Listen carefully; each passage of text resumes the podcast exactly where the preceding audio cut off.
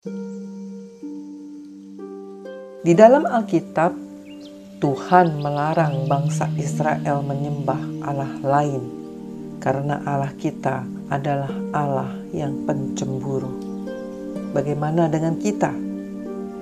Sebagai orang percaya, kita bisa saja mengaku bahwa Kristus adalah segala-galanya, tetapi dalam hati kita masih menyimpan berbagai macam berhala ini menunjukkan bahwa Kristus saja tidak cukup bagi kita.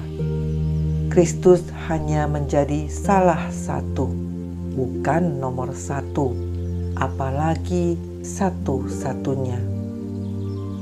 Untuk mendeteksi berhala tertentu dalam hati kita, diperlukan sebuah kewaspadaan.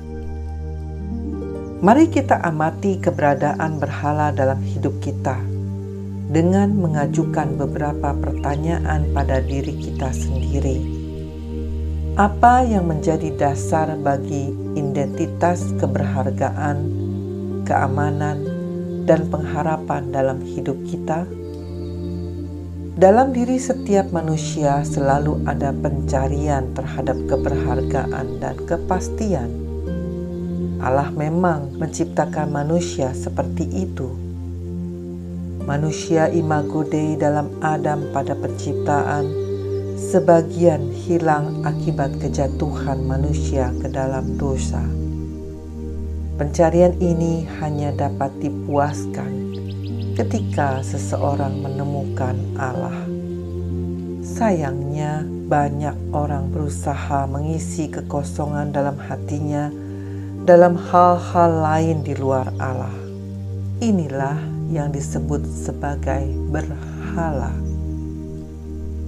Ketika kita baru merasa aman di hari tua, apabila kita memiliki deposito yang banyak, maka kita telah menjadikan harta sebagai berhala. Ketika kita baru merasa diri berharga, apabila terlihat keren dan diterima banyak orang, maka kita telah menjadikan penampilan dan penerimaan sebagai berhala. Apa yang selama ini mendefinisikan diri kita? Apa yang selama ini membuat kita merasa berharga? Apa yang selama ini membuat kita tenang dan bersemangat menjalani hari esok? Apa yang paling kita perjuangkan selama ini?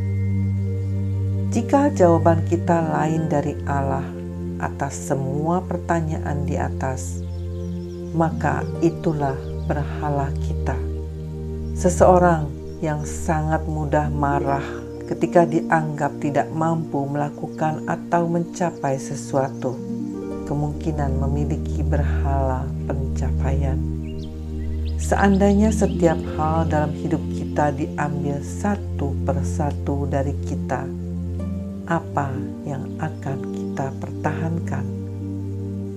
Pilihan seseorang pasti merujuk pada hal-hal yang terpenting dalam kehidupannya. Dia tidak ingin kehilangan apa yang berharga. Sebaliknya, dia dengan mudah melepaskan hal-hal lain yang selama ini dia pandang tidak terlalu penting.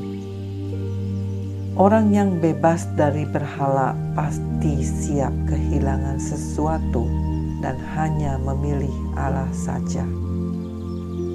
Setelah melewati pergumulan yang berat, Asaf dalam Mazmur 73 ayat 25 hingga 26 akhirnya mampu berkata, Siapa gerangan ada padaku di sorga selain engkau?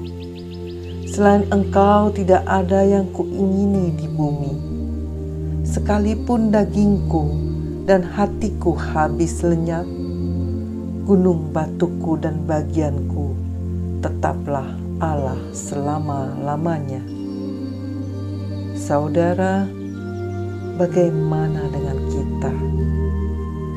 Dengan menyingkirkan setiap berhala dalam kehidupan kita, itu artinya kita hidup tidak mendua hati di hadapan Tuhan. Amin.